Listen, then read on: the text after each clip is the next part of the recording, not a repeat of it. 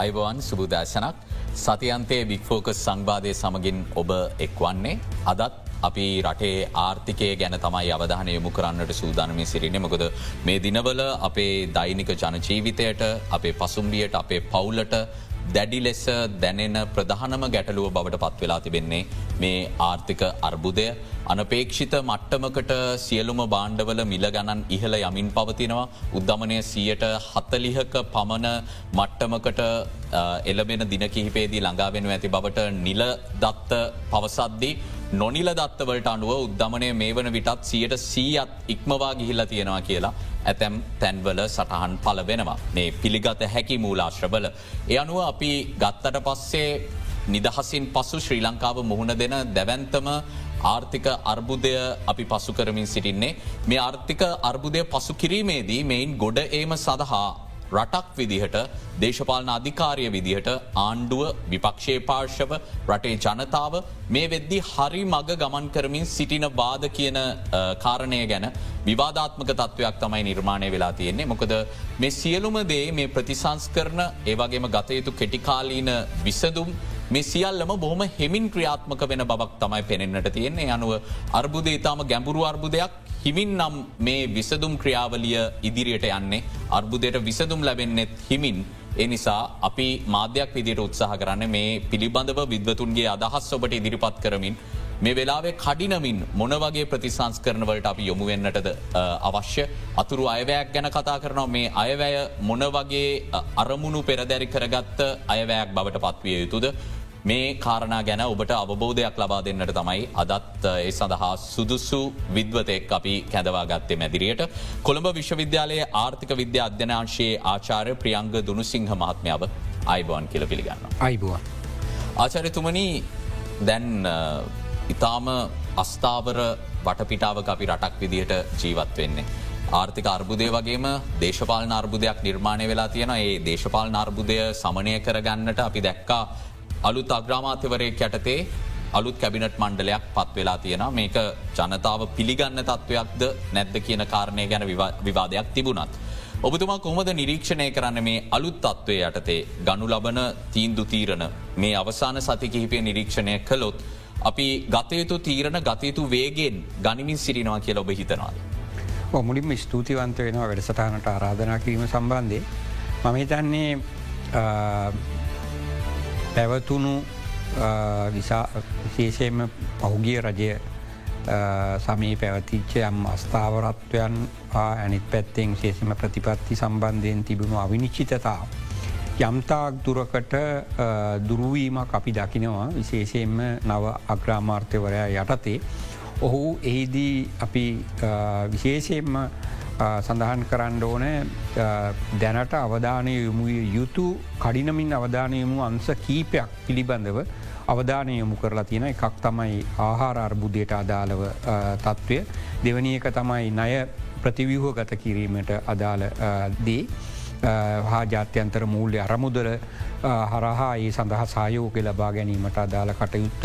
තුන්වනුව අපිට පේනවා විශේෂයෙන්ම අත්‍යවශ්‍ය ආනායන හිඟ කම දුරුලීම සඳහා විශේෂම ඉන්දන ගෑස් සෞමානි පැත්තින් බෙහෙත් පැනිදෑ සඳහා සම්බන්ධයෙන් තියෙන හිඟ කම දුරුලීම සඳහා අවශ්‍ය වන්න වූ දේශීයව කටයුතු සංවිධාන කිරීම හා විදේශීව ඒ සඳහා අවශ්‍ය සහයෝගය ලබා ගැනීම.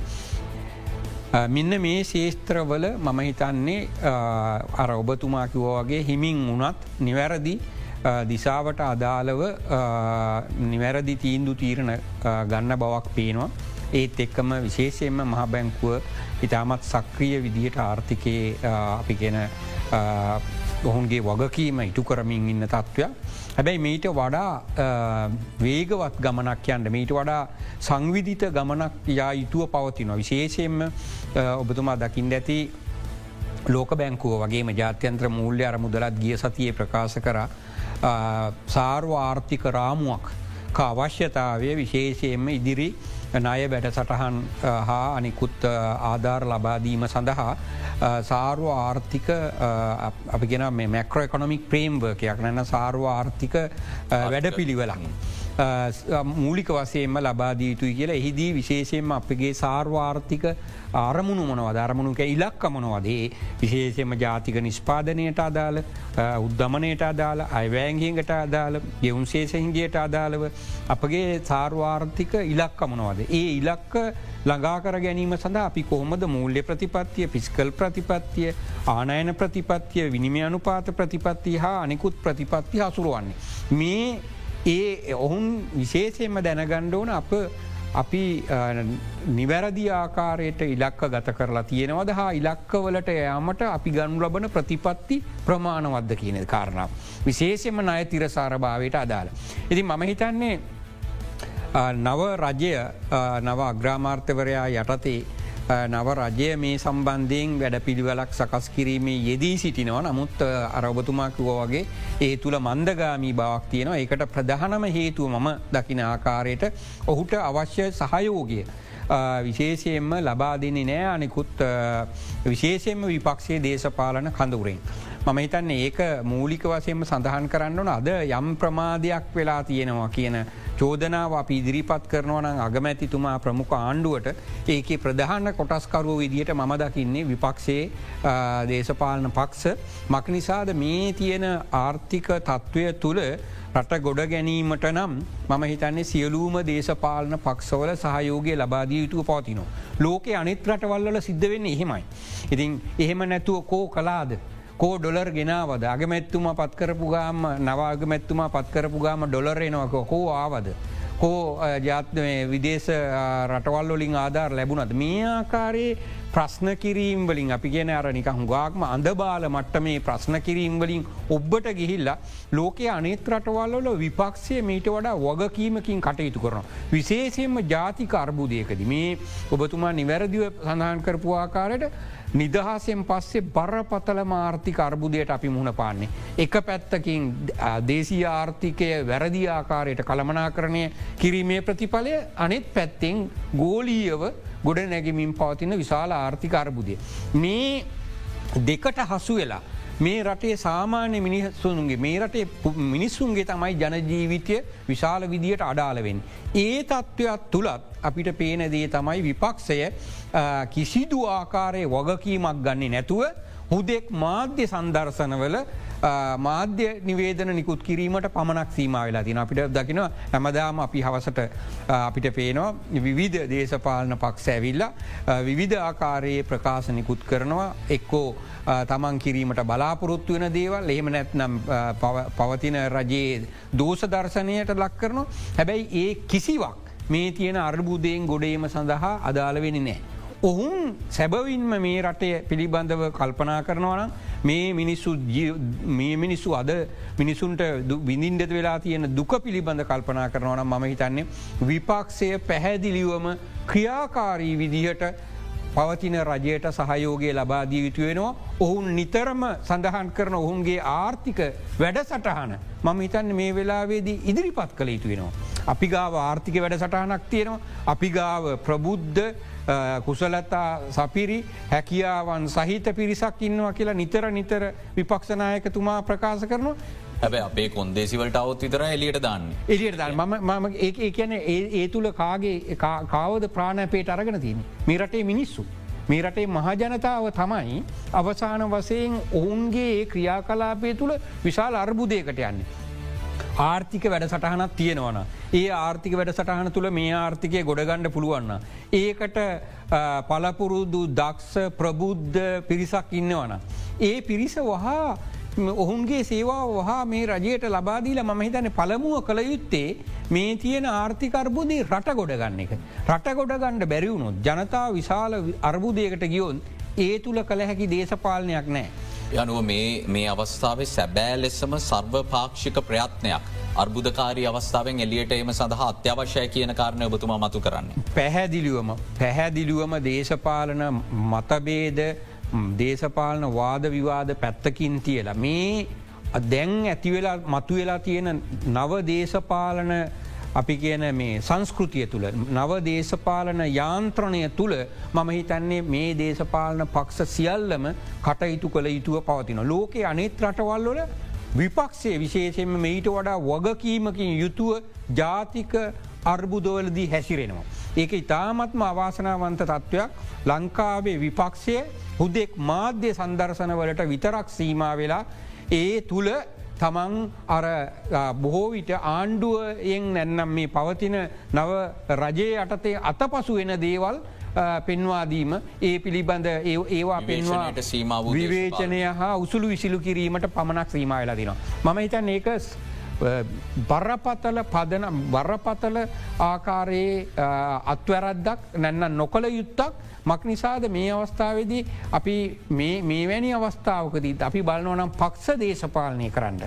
අපේ පක්ෂේ ගත්තොත් මේ ආර්ථික අර්බුදෙන් ගොඩ එන්ඩ පුළුවන් කියලා මම හිතන්න ඒක පිළිගණ්ඩ මංහිතන්න මේ රටේ බුද්ධිමත් ජනතාව සූදානන් කියලා. මොකද බුද්ධිමත් ජනතාව දන්නවා ඇත්ත අර්බුදේ. මේ අර්බුදයට තනි දේශපාලන පක්ෂයට කිසි සේත්ම විසඳුමත් දෙන්න බෑ. තනි පුද්ගලයකුට කිසි සේත්ම විසඳුමත් දෙන්න තරම් ජාත්‍යන්තර සබධතාතිවන තනි පුද්ගලයකුට විසඳුමහන්නට විසඳුම ඇන්න බෑ. අනික තමයි අර ප්‍රබුද්ධ දක්ෂ කුසලතා සපිරි ඔය කියන ආකාරය පුද්ගලයෝ ආවත් අමන් අපි කල්පනා කරන්න මේ මේ තියන අර්බුදෙන් ගොඩ එන්න පුළුවන් සම්මුතියක් අවශ්‍යයි. සම්මුතියක් අවශ්‍යයි සියලු දෙනාගේම කැපවීමක් අවශ්‍යයි දේශපාලන එකඟතාවක් අවශ්‍යයි විශේෂයෙන්ම ඉදිරියට යන අපි කියන ආර්ථික ප්‍රතිසංස්කරනවල දී වගේ මනෙත් පැත්තිෙන් ජනතාව එක්තරා මට්ටමකට මේ තියෙන අර්බුදය තුළ තවදුරටත් උසීගැන්වීම් කරනවා වෙනුවට ජනතාවට ඇත්ත යථාර්ථය පැහැදිලි කරලා. ඒ ඒ තුළ ඇතිවිය යුතු වෙනස්කම් ඔහුන් සමඟ සාවධානව මේ ගමන යා යුතුයි. ඒ වෙනුවට ජනතා උසීගැන්වීම හරා සිද්ධවෙන්ඩ පුළුවන් ඉතා බරපතල විනාසයකට මේ රට ඇද දැමීම. මමිතන්නේ ඒ නිසා අවශ්‍ය වෙනවා මූලික වසයෙන්ම මේ දේශපාලන යාන්ත්‍රණය දැන්වත් පවත්නා රජයට අගමැත්තුමා ප්‍රමුඛ රජයට සහයෝගය ලබාදීම ඒකට මම හිතන්නේ දැන් අපි දන්නවා පැවති රජයේ දුර්වල ආර්ථික කළමනාකාරිත්වය අනිවාර්යම හේතුනා මේ අර්බුදයට. හැබැයි මතක තබාගතයුතු ඊට අමතර කාලයක් තිස්සේ මේ ආර්ථිකය තිබුණු ගැටලු තිබුණ.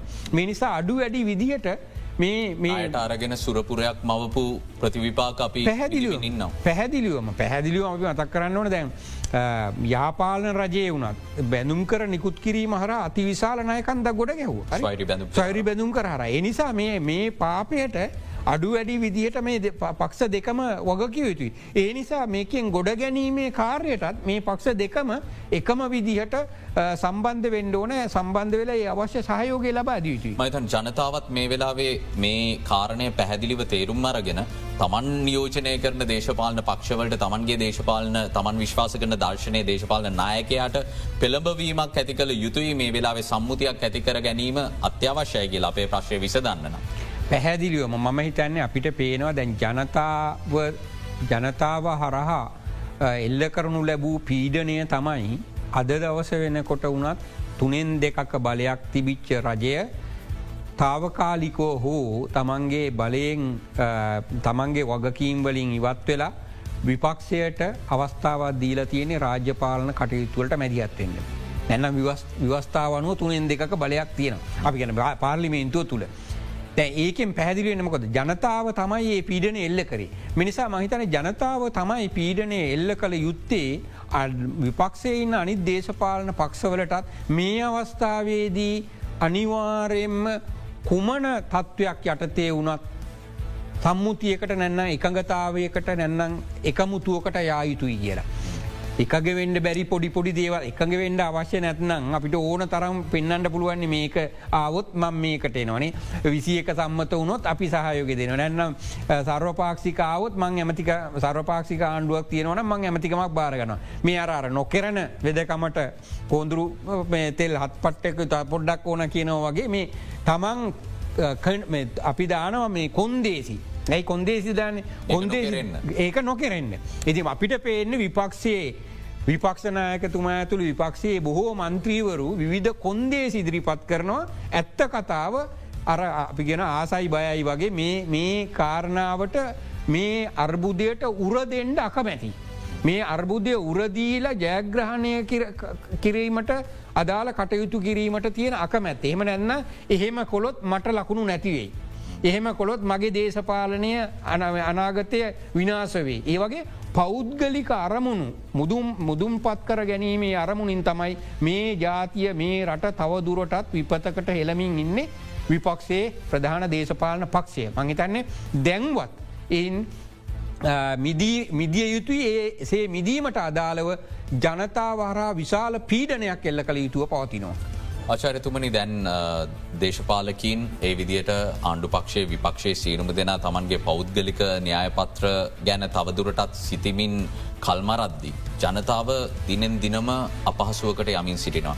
මේ මිල ඉහලයාම තවදුරටත් ජනතාවට දරාගන්න බැරි මට්ටමකටම මේ වෙද්දී ගිහිල්ල තියෙන විශේෂෙන්ම අවසානයේදී වෙච්ච තෙල්මිල ඉහලයාමත් එක්ක සියලුම බාණ්ඩවල මිල ගණන් යළිත් ඉහළ ගිය. මේ වෙද්දි අනුවේදනීය කතාපුවත් අපිට අහන්නට සිද්ධ වෙලා තියෙනවා. බොහෝ දෙනෙක්ට සමහර වෙලාට තුන්වේල ආහාර ගන්න පවා නොහැකි මට්ටමකට දැන් යමින් සිටිනවා. අතුරු අයවැයක් ගැන මේ අවස්ථාවේ කතා බහක් තියෙනවා ග්‍රමාතිවර අපි දැක්ක යම්කිසි ආකාරයක සංවර්ධන අයවැයකින් වෙන් වෙලා සහන අයවැයක් ඉදිරිපත් කරනවා කියන ප්‍රකාශය සිදු කලා. මේ අතුරු අයවැය මොන වගේ කරුණු මතද සකස් විය යුත්තේ වියදම් කප්පාදු විය යුත්තේ කෙසේද ජනතාව රැක බලාගන්න මේ වෙදි රුකුලක් වෙන්න ඕනෙ කොහොම දතුර ඇවැකි. හොමහිතන ඉතාමත්ම පැහැදිලි අපි කියන්නේ දැනට කෙටියෙන්ම කියනවනම් දැනට ඇතිවෙලා තියෙන මිල වැඩිවීම් හරියට අර පෙරහැරේ කසකාරය ඇවිල්ල තියෙනවාගේ ඒ ගැන පෙරහැර තාම එන්ඩ තියෙන්නේ. එද කසකාරය තමයි මුලින් ඇවිල තියෙන අපිට දකිනවා තෙල්මිල ඉහල ගියා ගෑස්මිල ඉහල ගිය ඊට සමානුපාතික අනෙකුත් බාණ්ඩොල මිල ඉහල ගිය හැබැයි මේට වඩා දැවන්ත ආර්ථික පීඩනයක් ඇතිවීමට අදාළ වන්නා වූ ආර්ථික ප්‍රතිසංස් කරන සිදුවී යුතුව පවතිනවා පවත්න ආර්ථික අර්බුදයෙන් ගොඩේම සඳහා. එක තමයි පළමුුවේ සඳහන් කළ හැක්ක. ඊට අදාළව එහෙමනං ඒ ආර්ථික ප්‍රතිසංස්කරන ඇතිවීමට පෙර අපි අවධානය යොමු කරන්න ඕන විශේෂයෙන්ම මේ මිලගණන් වැඩිවීම රැකියාහිවීම අනිත් පැත්තෙන් තමන්ගේ වැටුප් බිඳ වැටීම කියන ඒ ඒ කියන බලපෑම් හරහා විශාල විදියට ජනජීවිතය පවත්වාගෙනයම දුස්කර වෙලා තියෙන ජනකණ්ඩායම් ඉලක්කර කරන වැඩ සටහන් ක්‍රියාත්ම කළ යුතුව පවතිනවා. අපි කියනවා සාමාන්‍යයෙන් ඕක ප්‍රන්ට් ලෝඩිං ගැන අර අප්‍රිෆෝර්ම් සෙන්ඩ ඉස්සර ප්‍රන්ට් ලෝඩ් කරනවා අපි යම් කිසි වැඩ සටහන් ප්‍රමාණයක් විශේෂයෙන්ම අර කියන ජීවත්වීමට ඉතා දුස්කර පිරිස ඉලක්ක කරන. එහිදී මූලික වසේම අවධානය මු එන්ඩෝන පලවෙනි දේතම උන්ගේ පාරිභෝජන අවශ්‍යතා. ඒැන පාරිබෝ අවම පාරිභෝජන මට්ටමක් සහතික කිරීමට අදාළව ඒ සඳහා අවශ්‍ය වෙන මැදිහත්වීම මූලික වසයම කරන්න ඕන. දෙවන එතවට දැන් රජය මංහිතනය අයවැය තුළ කල්පනා කරන්න ඕන. දැන් දැනට දෙන අපි දන්නවා දැනට දෙන සහනාධාර තියෙන්නේ සමුෘදිලාබීන්ට වේවා අනිත් පිරිසට අදාලව මූල්‍යමය සහනාධාර විදිිය තමයි තියෙන හැබැයි මූල්‍යමය විදිට එයින් බැහැර වෙලා බාන්්ඩ ද්‍රව්‍ය මේ විදිහට සහනාධාරය ලබාදීම තැනකට යායුතුව පවතිනවා. කැනෙ හාල් කිලෝ මෙච්චරයි පරිපි කිලෝ මෙච්චරයි භූමිතෙල් මෙච්චර අපි දන්න ඉස්සර තිබුණ මේ මුද්දර පොත් කියල මුද්දර ඒ මුද්දර පොතකට අදාළව යම් නිශ්චිත බාණ්ඩ ප්‍රමාණයක් ලබාගත හැකිව පවතිනවා. එතොට ඒ ආකාරයේ ද්‍රව්‍යමය සානාධාර පැත්තට අවධානය යොමුය යුතුයි හැකිතාක් දුරට. නමුත් මේ වෙදී ලෝක බැංකු ආධහර මත ඔවුන් අපිට ලබාදීලා තියෙන මුදල් යළි අපිට ලබාදීමේ ක්‍රමවේදයක් යටතේ කෑශ් ට්‍රන්ස්වර්සයම් නැත්තම මුදල් ජනතාවට ලබාදීමේ සමාජාරක්ෂණ ක්‍රමවේදයක් ගැන සාකච්ඡාවක් යමින් තියෙනවා කියලා පෙනෙන්න්නට තියෙන. ඔබි තන ඒක එතරම් සාර්ථක ක්‍රමවේදයක් වෙන එකක් නැහැ කියලා. නෑ මම හිතන්නේ නෑ කෑස් ට්‍රන්ස්ප එකක් මේ අවස්ථාවේදී ප්‍රසස්ත දෙයක් කියලා.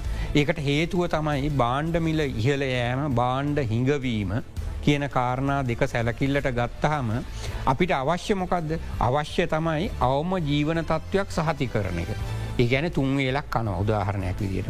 අවශ්‍ය වෙන අපිගෙන යම් පෝෂණ මට්ටමක් ලබා ගැනීමේ දැ ඒකනි සහතික කරන්න ඕන. ඒදී සහතික කරනකොට මුදල් ලබාදී දෙනවනම් අපිට තියෙන්න්නන ඒ මුදල ප්‍රමාණවත්. ඒ මුදලයටතේ බාණ්ඩ තියෙනවා.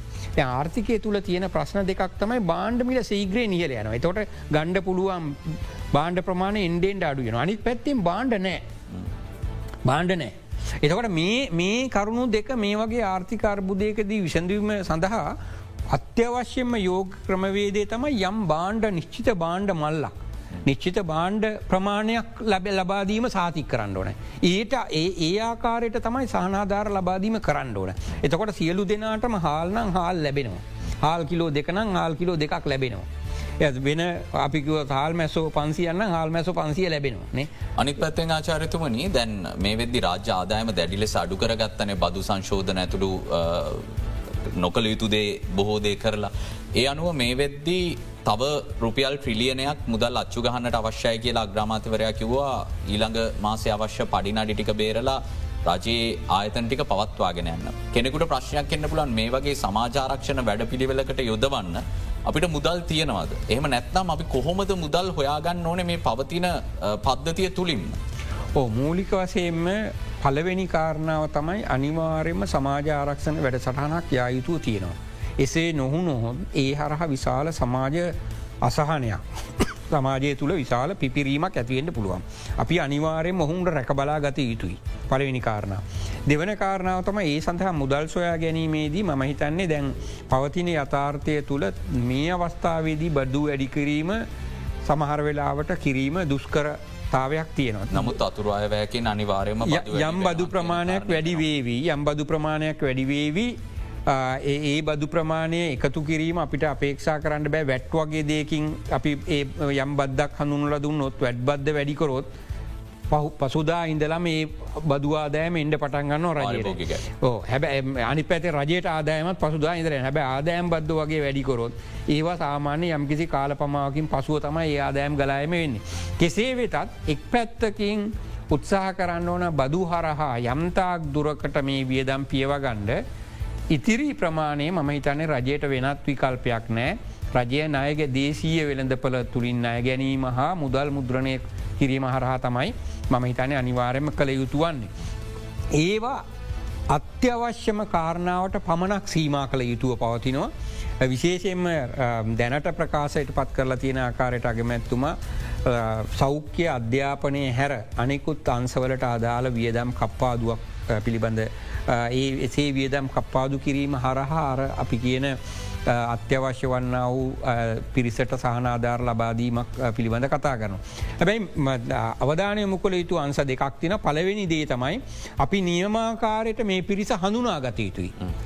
ඉලක්ක ගත කල යුතුයි ඒ පිරිස හඳුනා ගත යුතු. ඒ සඳහා මම හිතන්නේ දැනට අපිට පේන්ඩ නෑ ඒ හඳුනා ගැනීමට අදාළ නිශ්චිත ක්‍රමවේදයක් විශේෂයෙන්ම දත්ත පදනම් කරගෙන සමාජාර්ථික දත්ත පදනම් කරගෙන සිදුවෙනවා. ඒ කාරණාව සිදුවීතුයි. දෙවන කාරණාව තමයි ඒ ඉලක්ක ගත පිරිසට අපි කියන මේ සහනාධාරවලට අමතරව මහිතන ඔවුන්ගේ ජීවන උපාය සංවර්ධනය කිරීම සඳහ වූ වැඩ සටහනුත් ක්‍රියාත්මක කළ යුතු වෙනවා. විශේෂයෙන් අපි ගැන ගෙවත් අත්තිය නොන ගෙවතු වගාව වෙනත් කටයුත්තක් කරනවනම් වෙන ඒ කටයුත්තට අදාළව එහි අපි කියන ධාරිතාව පුළුල් කිරීම සඳහා එකන හුදෙක් පාරිභෝජනය ආවරණය කිරීම පමණක් ප්‍රමාණවත් එන්නේ නෑ ඔහුන්ගේ විශේෂයෙන්ම අපි කියන ජීවන උපාය සංවර්ධනය සඳහා වූ වැඩසටහනක් ක්‍රියාත්ම කළ යුතුයි.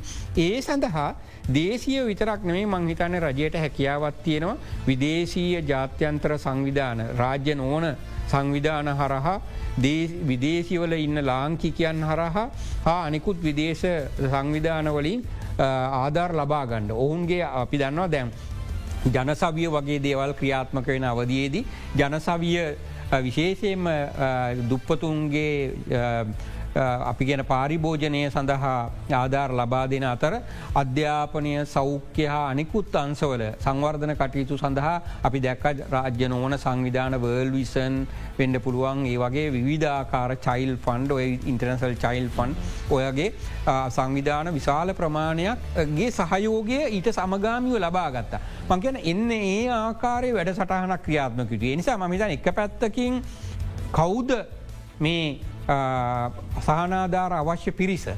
අනිත් පැත්තෙන් ඔහුන්ට අපි ජීවන උපාය සංවර්ධනදා මොනවද අපි කියන සංවර්ධනය කරන නැන්න සකස් කරනු ලබන වැඩ සටහන්. අනිත් පැත්තෙන් ජාත්‍යන්තරිකව ඒ සඳහා වශ්‍ය අරමුදල් මොබිලයිස් කරන්න. ඒක රාසීකරණය කිරීම සඳහා මැදිියත් යුතු. මෙන්න මේ කටයුතුවලට තමයි මම කිව අර දේශපාලන විපක්ෂය සහයෝගෙ දෙන්නඩෝන. විපක්ෂය ඉන්න දේශපාලන දේශපාලඥයින් නායකත්වය ගත යුත්ත මෙන්න මේමට. විශේෂයෙන්ම ජීවන උපාය සංවර්ධන වැඩසටහන් හඳුනා ගැනීම හා ඒවා සකස් කිරීම අනිත් පැත්තෙන් ජාත්‍යන්තරිකව මේ රජයේ බදු මුදල් වලින් හෝ මුදල් මුද්‍රණයකට අමතරව. ජාත්‍යන්තරිකව අපිට සොයාගත හැකි විශාල ප්‍රමාණයක් මුදල් මේ කටයුතු දියත් කිරීම සඳහා. එන්න ඒ කටයුතුවලට තමයි මංකයන විපක්ෂය මූලික වසයෙන්ම උරදීල කටයුතු කළ යුතුවන්නේ. මාධ්‍ය සන්දර්ශන තියන්ට නෙමෙයි අවසට අවසට. ඒ අනුව ඕනෑම අර්බුදයක අපිට අවස්ථා හඳුනාගන්න පුළුවන්. අපි අකාරයක්ෂම රාජ්‍යංශය පිළිබඳව දීර්ඝ කාලයක් මුරුල්ලේ ඔබතුමාල වගේ අය අදහස් දක්වල තියෙනවා. ඒ අනුව මේ අකාරයක්ෂම රාජ්‍යංශය සහ ඒ සඳහා කරන වියදම් අදුරදර්ශී ලෙස කරන වියදම් මේ ආර්ථික අර්බුදයට බලපෑම් කරා කියන එක රහසක් නෙමේ.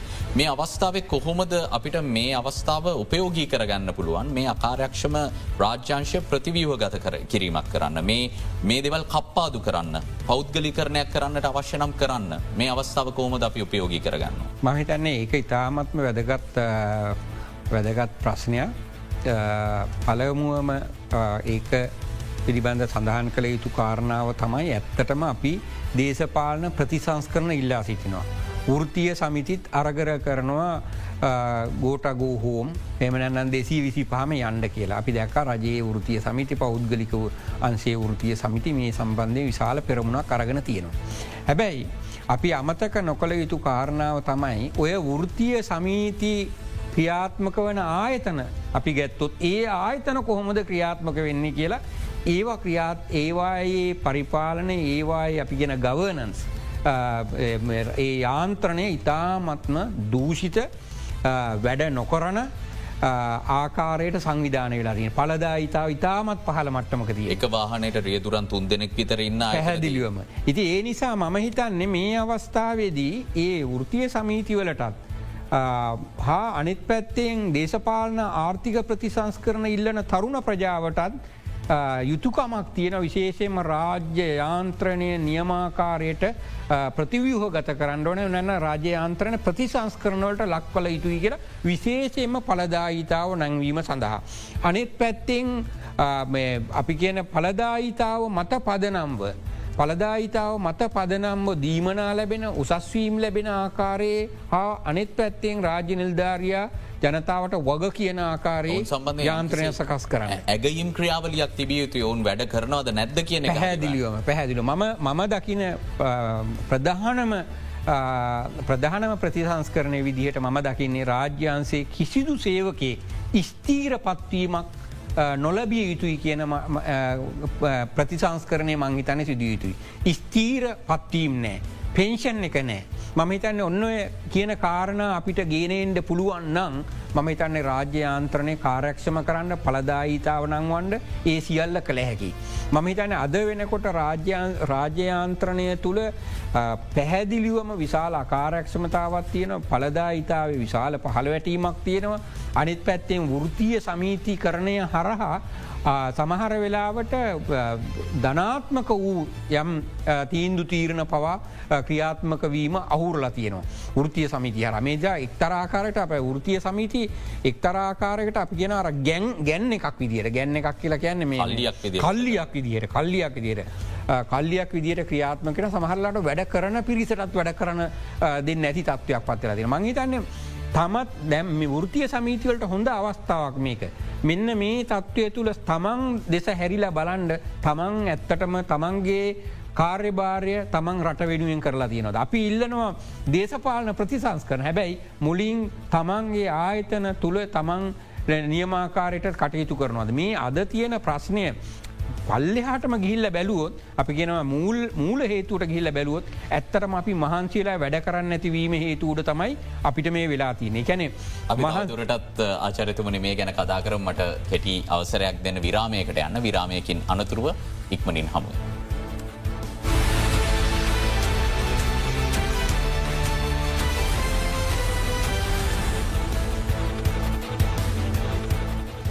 කොළඹ විශ්වවිද්‍යාලයේ ආර්ථික විද්‍යා අධ්‍යනාංශයේ ආචාර්ය ප්‍රියංග දුනුසිංහ මහත්ම ඇත්තේ අපි සාකච්ඡා කරමින් සිරින්නේ. අපි රටේ දේශපාලන සංස්කෘතිය ඇතුළේ ආචාරිතුමනි තිබුණු කාරණයක් තමයි මේ රජයේ රස්සාාවක් ලබාගන්න ශන්දය භාවිත කරපු අය බෝ දෙනෙක්කින්න. දේශපාලකයත් මේ රජයේ රැකියාව ප්‍රදර්ශනය කරන තමන්ට චන්දය ලබාගන්න ඊට පසේ මන්ත්‍රී බංගලා විස්සර ගිහිල්ල ඉන්න චන්ද දායකයත් රජයේ රස්සාාවක් වෙනුවෙන් චන්දය පාවිච්චි කරනවා. අන්තිමට අපි වැටිලා තියෙන්නේ නඩත්තු කරන්නට බැරි තරම් පලදායි නොවන රාජ්‍ය සේවයක් රාජ්‍යායතන ගණනාවක් අපිට ඇවිල්ල ආර්ථිකයට දැඩි ලෙස බලපෑ මෙල්ල කර අපි මේ ගැන කතා කරමින් හිට අඩුවෙන් වැඩ කරලා වැඩියෙන් බලාපොරොත්තු වෙන රාජ්‍ය සේවයක්කින්න. අපි කොහොම ආකල්පමය සහ ව්‍යවහාත්මක වෙනසක් කරන්න අපි සාකච්ඡා කරමින් හිටි ඔබතුමට අවස්ථාව. ඔමමිතැන ඉතාමත්ම වැදගත් මමර කියමින් හිටියේ ඇත්තට අද මේ අර්බුදයේ පහලට ගිහිල්ල මූල හේතුව පිළිබඳ විමසා බැලුවොත් එහි මූල හේතුව තුළ තියෙන්නේ ඇත්තටම අපි මහන්සියලා වැඩ කරලා කරන්නේ නෑ. වැඩ කරන්න නැති ජතිය මං කියන මේ සියලු දෙනාමනෙමේ සියලු දෙනාමනෙමේ නමු සමස්තයක් විදියට ගත්තාම රට තුළ දක්නට තියෙන දේ තමයි.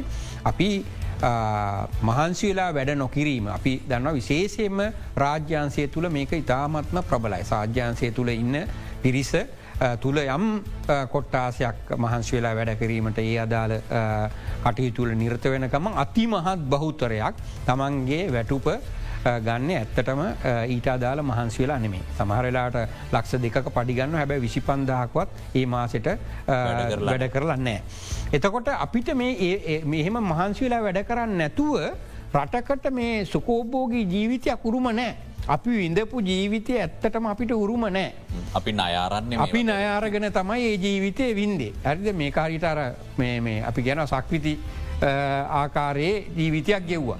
හැබැයි මේ නිසා තම දැන් තමයි අපිට නියමාකාර යථාර්ථය පැහැදිලි වෙන්නේ. අපි නියම ජීවන මට්ටමට අදාලෝ පහලට යමින් පවතිනවා. එහින්ද අපිට මේ බස්්‍රියත් මිස්සුනොත් නං අපිටයි ගොඩ ඒමක්ම නැතිවෙන්න පැහැදිලියම ගොඩ ඒමක්ම නෑ වගේම ඇත්තටම මහන්සි වෙලා වැඩ නොකොළොත් අපිට නැවත අපි පෙර හිටියපු ජීවන තත්ත්වයට ගමන් කිරීමේ කිසිදු හැකියාවක් නෑ. මේ නිසාම තමයි අපි කියන්නේ දේශපාලන ආර්ථික ප්‍රතිසංස්කරන වෙන අතරම රාජ්‍ය යාන්ත්‍රණයට අදාළවත් ප්‍රතිසංස්කරන විය යුතුයි අනිවාරෙන්ම මහන්සි වෙලා වැඩ කරන මහන්සි වෙලා වැඩ කරන්නේ නැත්නං එවැනි පිරිස්වලට තවදුරට පැඳී සිටීමට නොහැකි වෙන ආකාරයේ ආකාරයට මේ ආයතන විව්ය සකස් වීතුව පවතිනවා. විශේෂෙන්ම රාජ්‍ය ආන්ත්‍රණය සකස් වීතුව පවතිනවා. ඒ ආකාරයට සකස්වෙන්ඩ ඊට අදාළව බාධ එල්ල කරන අපි දන්න ෘතිය සමිති දැන් සමහර වෙලාට රජයේ මූල්‍ය අපහසුතා මත ෘතිය මේ රජය තීරණය කරනවන යම් වැටුප් කප්පාදුවක් කරන්න. ඉහෙළම වැටුප් ලබන පිරිසෙන් යම් වැටුප් කප්පාදුවක් කරන්න උත්සා කරනකොට ෘතිය සමිති කියන අපි කැපුවොත් අපි වැඩවර්ජනයකට යනවා. ඒගැන ඒ තුළ ජනතාව උසිගන් ජනතාව උස්කන ඒ තුළ පැහැදිලි වෙන්නේ මේ මේ මේ අද මේ අද අපට උරුම වෙලා තිය නැන්නම් අත්වෙලා තියෙන මේ අර්බුදය තුළ මේ මේ ඊට අදාළුව තමන් ඒ අර්බුදයෙන් ගොඩේමට අදාලෝ කරුන් ලබන දායකත්වයක් කරන්න තියෙන අකමැත්තනි. එහෙම දායකත්වයක් කරන්න නැතුව මේ රට ගොඩගණ්ඩ බෑ. පැහැදිලියවම අපි විඳපු ඒ කියපු සුකෝබෝගී ජීවිතය තවදුරටත් මං ගැන ඒකක පුද්ගලයට අදාලු. ඒ ඒ ජීවන තත්වය තවදුරටත් ඇත්විනිට ලැබෙන්නේ නෑ අපි වෙනසකට සූදානන් නැත්නම්. ඒ විනස අපේ මානසිකව අපි විශේෂෙන් අපගේ සිටවිලි වලත් ඇති කළේ ගත යුතුයි අනෙත් පැත්තෙන් ආයතන එක රාමුව හා සමාජය තුළත් අනිවාරයෙන් ඇතිකර ගත යුතුයි. එසේ ඇති කරන්නේ නැතුව. අපි උද්ඝෝෂණය කරනව නම් තෙල් දියව් නැන්නම් ගෑස් දියව් මේ අනිද්දේවල් දියව් කියලා. මම හිතන්නේ එතේ කිරීමට කුමන දේශපාලන පක්ෂය බලයටාවත් හැකියාවක් නෑ. ඇයි නැත්ති දැන් ඩොලර් නැත්තේ ලංකාවට. නැතුව ආණ්ඩුවට නෙමේ. ඩොලර් නැත්තේ ලංකාවට ලංකාවට ඩොල්ට නැත්තේ ඇයි. මේක ඉතාම වැදගත් තැනකට ඔබතුමා මේ ගෙනියන්න මොකද මේ අර්බුදයේ ප්‍රමාණය හරියාකාරව සමාජයේ සියලුම කොට්ටාස තේරුම් අරන් තියෙනවද කියනෙක් ගැන විශාල ප්‍රශ්නයක් මතුවෙන. මොකද ඇතැම් දේශවාලන පක්ෂ පවා ඇතැම් කණ්ඩායම් පවා ජනතාවට කියන්න උත්සා කරන්නේ අපි ආවොත්. විදේශ රැකියාවල ඉන්න කටිය යළි ඩොලරෙවන්නට පටන් ගන්න මේ මේ අයි ඉන්න හිද තම එවන් නැත්තේ. එහෙම සරලද මේක එතකොට පුළුවන්ද විසදන්න. නෑ මම හිතන් ඉතාමත්ම පැහැදිලි දැන් විනිමය අනුපාතය පාකිරීමෙන් පසුවත් අපිට පේනවා ඒ ආකාරයට විදේශ ප්‍රේෂණ වැඩිවීමක් සිද්ධ වෙලා නෑ. ඒකන්නේ ඒ තුළ අපි ඔය යම්මාකාරයකට අර ස්ථාවර කිරීම තුළ බැලපෑමක් වගේම එතනින් එහාට ගිය කරුණුකාරණත් අනිවාරයම විදේශ ප්‍රේෂණ තුළ තියෙන්න්න පුළුවන්. එසේ එව්වත්. සහ ඒක මේ අර්බුදේ එක කොටස එක කොටසක් පමණයි පැහැදිල මං කියන්නට එසේ එව්වන් ඇත්තරම ඒ තුළින් විෂදාගත හැකි කියන ආර්ථිකාර්බුදේ ප්‍රමාණයගත්තු ඉතාමත්ම සොච්චමයි. ඉති ඒ නිසා ඒ නිසා තමයි මම කියන්නේ මූලික වසයෙන්ම මේ රටටයි ඩොලර් නැත්තේ. ඇතුව ආණ්ඩුවකට පක්ෂයකට නෙමේ ඩොලර් නැත්තේ. රටට ඩොලර නැති රටට ඩොලර් නැත්තේයි මූලික වසයෙන්ම අපි අන්තර්ජාතික විදිහට ජාත්‍යන්තරිකව තරඟකාරී නෑ මහන්සි වෙලා වැඩ කරන්නේ නෑ මේ නිසා තමයි අපේ මේ පසුබෑම. අපිට අපි ගත කලපු ජීවිතය ඇත්තටම උරුම නෑ. දැන් අපි යමින් පවතින්නේ අප කරනු ලබන ක්‍රියාකාරකම් වලට සෑහිමට පත්වය හැකි ආකාරයේ ජීවන තත්ත්වයකට. මෙයින් අපිට ගොඩෙන්ඩ ඕන්නම් අපි අනිවාරෙන්ම මහන්සිවෙලා වැඩ කරන්න ඕනේ මහන්සිවෙලා වැඩ කරන ආකාරයට ඒ ආයතනික විවහය සකස් විය යුතුව පවතිනවා. ආයතනික විවහය දේශපාලන ආර්ථික ආරාජ්‍ය ආන්ත්‍රණය සකස් වීතුව පවතිනවා. යනු මේ වෙලාවේ ඕනේ බලහුවමාරුවකට වඩා සම්මුතියකින් අපේ රටට අලුත් ක්‍රමයක් නිර්මාණය කරගන්න පැහැදිලිවම පැහැදිලිවම ඒක තමයි අවශ්‍ය වෙන මොකද එක තමයිකිවේ පක්ෂ දේශපාලනය ඇත්තටම මෙවැනි තත්ත්වයක් තුළද යල් පැනගිහිල්ල තියෙන්නේ. ඒගැන තවදුරටත් වලංගුණෑ. මේ සාමාන්‍ය පක්ෂ දේශපාලන තිබුණට කමන්න ඇතික සමුෘධිමත් වෙලා තියෙන වනන් මේ වගේ අර්බුද නැති තත්ත්වයක් තුළද ඒඒක දේශපාලන පක්ෂොල්ට කිව්වෑකි අපි කොහොමද අපි ආවොත් මේ රැස් කරලා තියෙන ධනය කොහොමද අපි බෙදා හරිනිල මේ තියෙන අරබ මේ තියෙන්නේ අපි අර්බුදයකඉන්නේ. මේ මෙවැනි අර්බුදයකින් රටක් ගොඩගණ්ඩ හැකියාවක් නෑ පක්ෂ දේශපාලනයට ඒක තමයි මූලික වසේම අවබෝධ කරගත යුතුදේ. තාමත් ඉන්න දේශපාල නායකත්වයට මිදෙන්ඩ බැරිවෙලා තියෙනවා මේ කියන පක්ෂ දේශපාලනය. මේක තමයි මම හිතන්නේ යල් ඔහුන් යල් පැන ගහිලා තියෙන. ඒ ඇතින් ඒ ඇතින් අර දෙසිය විසිපහම එපා කියන එක මම හිතන්නේ යම් සාධාරණත්වයක් තියෙනවා මොකොද තරුණයන්ට පේනවා මේ පක්ෂවල ඉන්න නායකයෝ හිතන ආකාරය මේ හැත්තෑවේ හැටේ හිතපු ආකාරය. මේක මේ ක්‍රමේ දැන් යල් පැනගිහිල්ල තියෙන්නේ. මේ ක්‍රමයෙන් අපිට අනාගතයක් දෙන්න බෑ. පාර්ලිමේන්තුවේ කතා කරන දේවල්ලින් අනාගතයක් දෙන්න බෑ. හරි පාර්ලිමේන්තුවේ මන්ත්‍රීවරු ඇමතුවරු ලබන වරප්‍රසාද හා ඊට අදාලෝ ඔහුන් අත්කරගෙන තියෙන ඒ මහා සම ආර්ථික සමාජ බලය තුළින් ජනතාවට මුකුවත් කරන්න බෑ ඔහුන්ට පුළුවන් ඔහුන්ට හා ඔවුන්ගේ හතරවර්ගයට ගොඩ යන්න පුළුවන් හැබැයි මේ රටට යමක් කරන්න බෑ. එන්නේ එක තමයි මම කියන්නුවේ දේසිය විසි පහම එපා කියන එක ඇත්ත යථාර්ථය. මොකද මේ දේශපාලඥන්ගේ ඔළුගෙඩිවල තව මේ රට විශාල අර්බුදයකට යමින් පවතිනවා.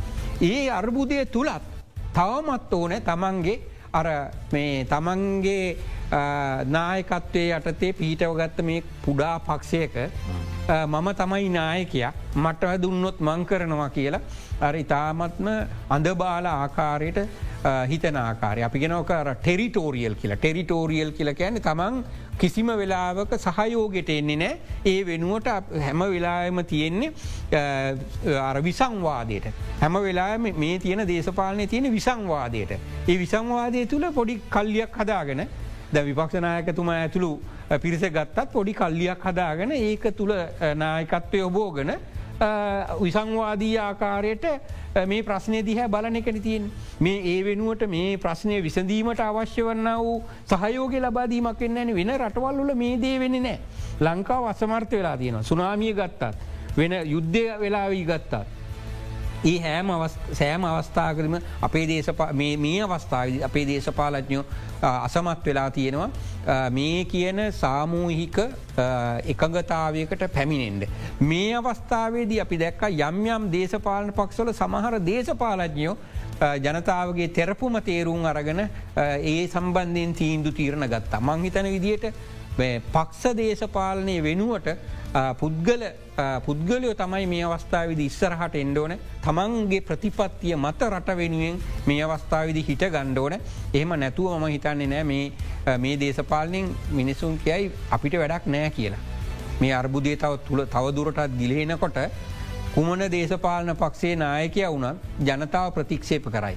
ඔය දේශපාලින් අපිට වැඩක් නෑමොකද අපේ ජීවිතවලට එලියත් දෙෙන්ට කරපු කිසි දෙයක් නෑ. එහෙමනම් අපිට ඔය දේශපාලනයෙන් වැඩක් නෑ කියන තැනට මමිතන්න අද රට තල්ලුවමින් පවතිනවා.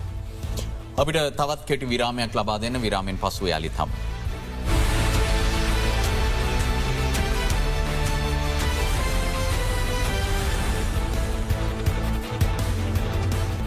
ආචාරතුමනි දැන් මේ වෙද්දී අපි ඉන්න ආර්ථික අර්බුදයේ බරපතල භාවයක් එක්ක බොහෝ දෙනෙක් ඉච්චා බංගත්වයට පත් වෙලා ඉන්න. මොකද මේක අනපේක්ෂිත තත්ත්වයක් වෙන්න බොහෝ දෙනෙක්ට. ඔබතුමාල වගේ මේ දත්ත පරිශීලනය කරමින් මෙහෙම ගියොත් මෙහෙම වෙයි කියන ඒ තත්ත්වය කියවා ගන්නට සියලුම දෙනාට හැකියාව තිබුණේ නෑ. අපි යම් සාපේක්ෂව සුකෝපභෝගී ජීවිතයක් ගෙවමින් සිටිය. නමුත් අපි මේ වගේ තැනකට පත්වෙනවා කියන එක පත් වනාට පස්සෙ තමයි අපිට තේරුණේ. ඒ අනුව මේ වෙලාවේ අපි බොහෝ දෙනෙක් හිතනවා දැන් අපේ සියලුම සීන බිඳ වැටිල ඉවරයි කොහොමද වාහනයක් ගන්න කොමද ගයක් හදාගන්න හිතාගන්නවත් පුළුවන්ද මේ පඩියෙන් ජීවත්වෙන්න. අපි මේ රට දාල යනවෑරෙන්න්න අපිට කරන්න වෙන දෙයක් නෑ. මේ වගේ අදහස් සංසරණය වෙන අපි දකිනවා ඒකේ සාධාරණ බවකුත් තියනවා. මේ වගේ වෙලාවට කොහොමද අපි හිතන්න ඕනේ වෙනස් විදියට ආර්ථික අර්බුදයට පෞද්ගලිකව මුහුණ දෙද්දි.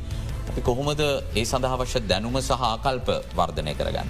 ඔමවිතන ඒක තමයි වැදගත්ම දේ දැන් අපිට මාධ්‍ය හරහා අපි දකිනවා ඉන්දන පෝලිං ගෑස් පෝලිං හා අනෙකුත් පාරවල් අවහිර කිරීම් උද්ඝෝෂණ වැනි විධාකාරදේ දකිනවා. ජනතාවට තමන්ට අත්විනින්ට තියලා සිද්ධ වෙලා තියෙන කාරණා උඩ මිලගණන් නිහලෑම තුළ එක පාරට ඒවැනි ආවේග සීලීව එවැනි කටයුතුවල නිරතවෙන්න පුළුවන්. හැබැයි අපි යම්මාත්මක යම්මාකාරයකට විමසා බැලීමක් කොළොත් ගැඹුරින් අද තියෙන අර්බුදයට අඩු වැඩි විදිහට තනිතනි පුද්ගලය විදිහට අපි වගකිව යුතුයි. ඒ වගකීම දේශපාලඇඥෝ විතරක් අපිට සීම කරන්න බෑ රාජිනධාරීන්ට විතරක් සීම කරන්න බෑ ව්‍යාපාරිකයන්ට විතරක් සීම කරන්න බෑ මංහිතන්නේ රටේ සමස්තයම විශේෂයෙන්ම තරුණ මැදිවිය හා වැඩිහිටි සියලුම දෙනා මේ තියන අද තියෙන තත්ත්වයට අඩු වැඩි විදිහට වගකිව යුතුයි තම තමන්ගෙන් හල බලන්ට පුළුවන් තම තමන් මොනවද කරේ ඒ කරන දේ කොච්චර මහන්සියෙන් කලාද කියන කාරණාව අපිට විමසා බලන්න පුළුවන්. ඒ නිසා අපිට සමහර දෙනෙක් කියනවා රුපියල් මෙන්න රුපියල් අපි දෙන්නම් ගෙවන්න අපිට දෙන්ඩ තෙල් කියලාරි. ඉතින් තෙල් දෙන්ඩ කියලකුවට රුපියල් අතේ තිබුණට ඇත්තටම ඩොලර් අපිට නැතිවෙලා තියෙන්නේ අපි ආර්ථිකයක් විදිහට තරඟකාරීව කටයුතු කරන්න අසමර්ථවීම උඩ.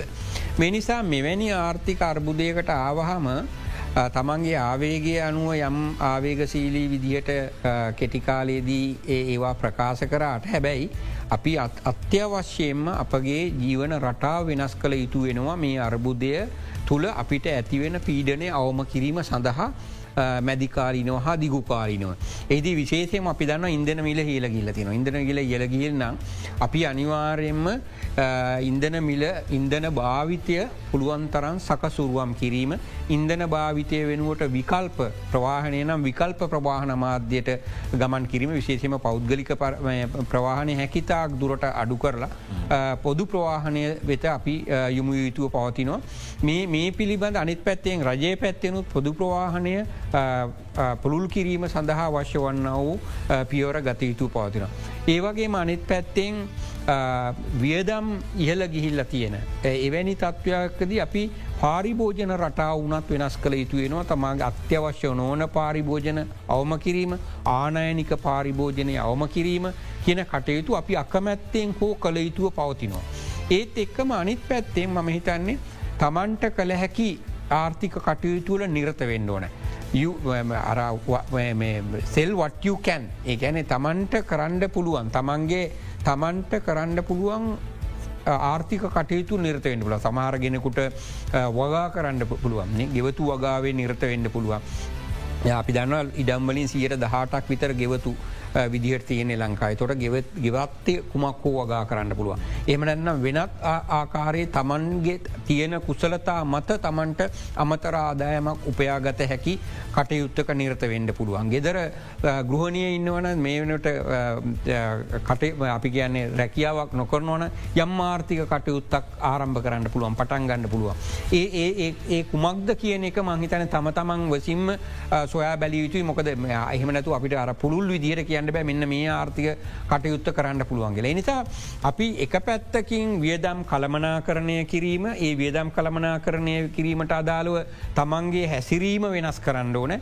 අපි ගෙන පලෙක්සිබිලිටිය එකක්. යම් යම් ආකාරයක නැමෙන සුළු ස්වභාවයක් අපේ පාරිභෝජනය හා ජීවන රටාවට කරගෙනෙන්ට ඕන. අනෙත් පැත්තෙන් ආදායම් උත්පාදනය කළ හැකි ශේස්ත්‍රවල ඒ කටයුතුවල නිරතවීම අත්‍යවශ්‍යම සිදුව යුතුයි. අපි දන්නවා දැන් ගූලීයව එන්ඩ තියෙන අර්බුදය ගත්තොත් ආහාර අර්බුදය හා නිකුත් අර්බුද පිළිබන් සැලකිල්ලට ගත්තුත් තාමත්ම දුස්කරකා කාලයක් එන්න මේ නිසා දේශපාලඥයන්ට පමණක් බැනීම. රාජ්‍යනිල්ධාරීන්ට පමණක් බැනීම කියනේ තුළින් තමන් අත්කර ගනු ලබන සුගතියක් නෑ. තමන් ඒ දේශපාලන දැ උදාහරණයක් විදිට හැට නම ලක්ෂයක් චන්දදීලා පහුගේ රජය බලයට පත් කරේ මේ රටේ මහජනතාවනේ. හරි. ඔය කියන හොරකං ඒ සියල්ල දන්නව නිපත් කරනකොට. හරි.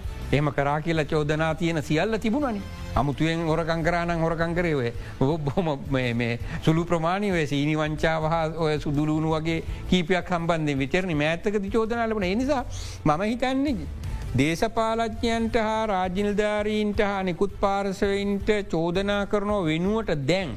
මේ අවස්ථාව ඉඳල මංහිතන්නේ තමන් උත්සාහ කරන්න ඕන අපි කොහොමද මේ අර්බුදය තුළ සවයි වෙන්නේ. පලවෙනිම දේක සවයි වෙන්න. කොහොමද අපි අපේ ජීවිතය පවත්වාගෙනයම සහතික කරන්නේ. සංවර්ධනය පැත්තකින් තියන්න අනිවාරයම. අනිවාර්යම දෙදස් විශ්ස දෙයක් දෙදස්තිය කියන්නේ ලංකාවට අහිමි. මොන්න පක්ෂයාවත් ඒ දසකය ඉවරයි. මේ අර්බුදෙන් ගොඩෙන්ට දෙදස් විසිහය අගවත් වෙන අනිවාර්යම කැන දෙදස් දහටේ මට්ටමට අපිට එන්ඩ අර අවම්වසයෙන් දෙදස් විචය අගවත් වෙනවා. හරියට වැඩ කළ හරියට වැඩ කොළ දන්නේ තම මූලික වසේ මංහිතන මට එක අවස්ථාගදී ලබාදී උපදෙසත් තමයි ඒ ඒ එයත් අත්‍යවශ්‍යයෙන්ම නිවැරදි ආකාරයට මේ පක්ෂ දේශපාලනය තුළ ඉන්න නැතුව පවත්නා රජයට තමන්ගේ සහයෝගය ලබාදීම හරහ පමණයි වෙද්දේ. මේකෙනුත් කකුලෙන් ඇදලා මේකත් අඩපනකොරොත් ජනතාව උසීගන්නල විශේෂය මාර්ථික ප්‍රතිසංස් කරන අඩපනකොළොත් ඒ තුළ ඇතිවෙන්නේ තවදුරටත් විශාල අගාධයකට යනක. තරුණ ප්‍රජාවත් මංහිතන්න මේ අවස්ථාවදී බුද්ධිමත්ව කටයුතු කිරීම වැදගත් දේශපාලන ප්‍රතිසංස් කරන ඉල්ලීම පිළිබඳ සීයට සීයක් එකගයි හැබැයි තමන්ගේ ක්‍රියාකාරකම් යම් තැනකින් එහාට ගියොත් ඒ තුළ වෙන්නේ සුගතියක් වෙනුවට අගතියක්. එනිසා මම හිතන්නේ ඔහුන්නුත් තමන්ගේ සීමාව පිළිබඳ අවබෝධයකින් කටයුතු කිරීම වැදගත්වෙනවා. ඒකේ ප්‍රධානම දේ තමයි අපි දකිනවා අපිට යම් යම් ශේස්ත්‍ර ගොඩනැංවිය යුතු වෙනවා සංචාරක සංචාරක ව්‍යාපාරය විදේ සායෝජන හා අනිකුත් සහයෝගයන් ලබාගත යුතු වෙන මේ මාර්ගව හිර කිරීම ඇතුළු පසුගේ කාල අපි දුටු දේවල් නිසා ඇගලුම් කර්මාන්තයට පවා මේ වෙද්දී අවහිරත අවහිර ඒ එනිසා මහිතන්නේ සීමාවකින් ඔබ්බට ගියොත් ඒ තුළ ඔබ අවලංගුවෙනවා දිනේ වැඩිය ඇතක නෑ. අරගලය අවලංගුවෙන තැනක සමාජය අරගලකරුවන් පසු පසහම්බායන කාලය වැඩිය ඇතක වෙන නෑ ඔහුන් තමන්ගේ උපායුපක්‍රම වෙනස් කරමින් මේ රට ඉදිරියට යෑමට තියෙන අවස්ථාව සඳහා ඉඩ ලබා නොදුන්නොත්. විශේෂම මේ අර්බුදයෙන් ගොඩේම සඳහා අවශ්‍ය ඉඩකඩ ලබා නොදුන්නොත්. අරගලකරුවන් පටු පසු පස සමාජය පසු සමාජය මෙලූ බඳන්න දිනයකුත් වැඩිය ඇත වෙන්නේ නෑ. මේ නිසා ඔවුන්ගේ ක්‍රියාකාරකම් දේශපාලන ප්‍රතිසංස්කරන ආර්ථික ප්‍රතිසංස්කරන ඉල්ලා සිටීම සියට සීයක් එක ගයි හැබැයි එය කළ යුත්තේ මේ අර්බුද්ධයෙන් ගොඩඒමට අවශ්‍ය අවහිරයක් සිදු නොවන ආකාරයට. සටන් ක්‍රමවේදය පරිස්සමෙන් තෝර ගන්න. පැහැදිලියම වෙනස් කළ යුතුව පවතිනවා හා ඒත් එය මම හිතන්න ඔහුන් කරාවි දැනට කරගෙනන කටයුත්ත දිහැ බැලුවොත් මට විශ්වාසයක් තියෙනවා ඔහුන් තමන්ගේ උපාය උපක්‍රම ගලපා ගනීවී විශේෂයෙන්ම මේ ආර්ථිකය යම්මාකාරට අර්බුදයෙන් ගොඩේමට අවහිරයක් නොවන ආකාරයට. හොඳයි අද අපි පවතින තත්ත්වය පිළිබඳව සාකච්ඡා කළේ විශේෂම මේ තත්ත්වයට හේතුුණු කාරණා වලට වඩා අද අවධානය යොමු කරන්නට උත්සාහ කරේ මේ අවස්ථාවෙන් ගොඩ එන්නට නම් සමාජයේ පාලකින් ආණ්ඩුව විපක්ෂය ජනතාව මේ සියනුම කොට්ටාස කොහොමද අලුතෙන් හිතන්න ඕනේ? මේ වෙලාවේ යල් පැනගිය සිතුවිලි දහරාවලින් නෑත් වෙලා අර්බුදය කළමනා කරණය කරගන්න කොහොමද අවධානය යොමු කරන්න ඕනි කියන කාරණය පිළිබඳව. අපි ඒවගේ මොබතුමාට ආරාධනා කරන්න කැමති මේ නිර්මාණය වෙමින් පවතින ලෝකාර්ථික අර්බුදය ගැන අපි ඉදිරි දිනකදී හමුවී යලි සාකච්ඡා කරමු. බේවින්ම සූතිවන්තවය නොබතුමාට අද අපේ ආරාධනාව පිළිගත්තාට. අපි අදට වික්‍ෆෝකස් සංවාධයෙන් සමුගෙන යනවා හෙටත් හමුයමු සුපුරුදු වේලාවට සුපදිනයක්.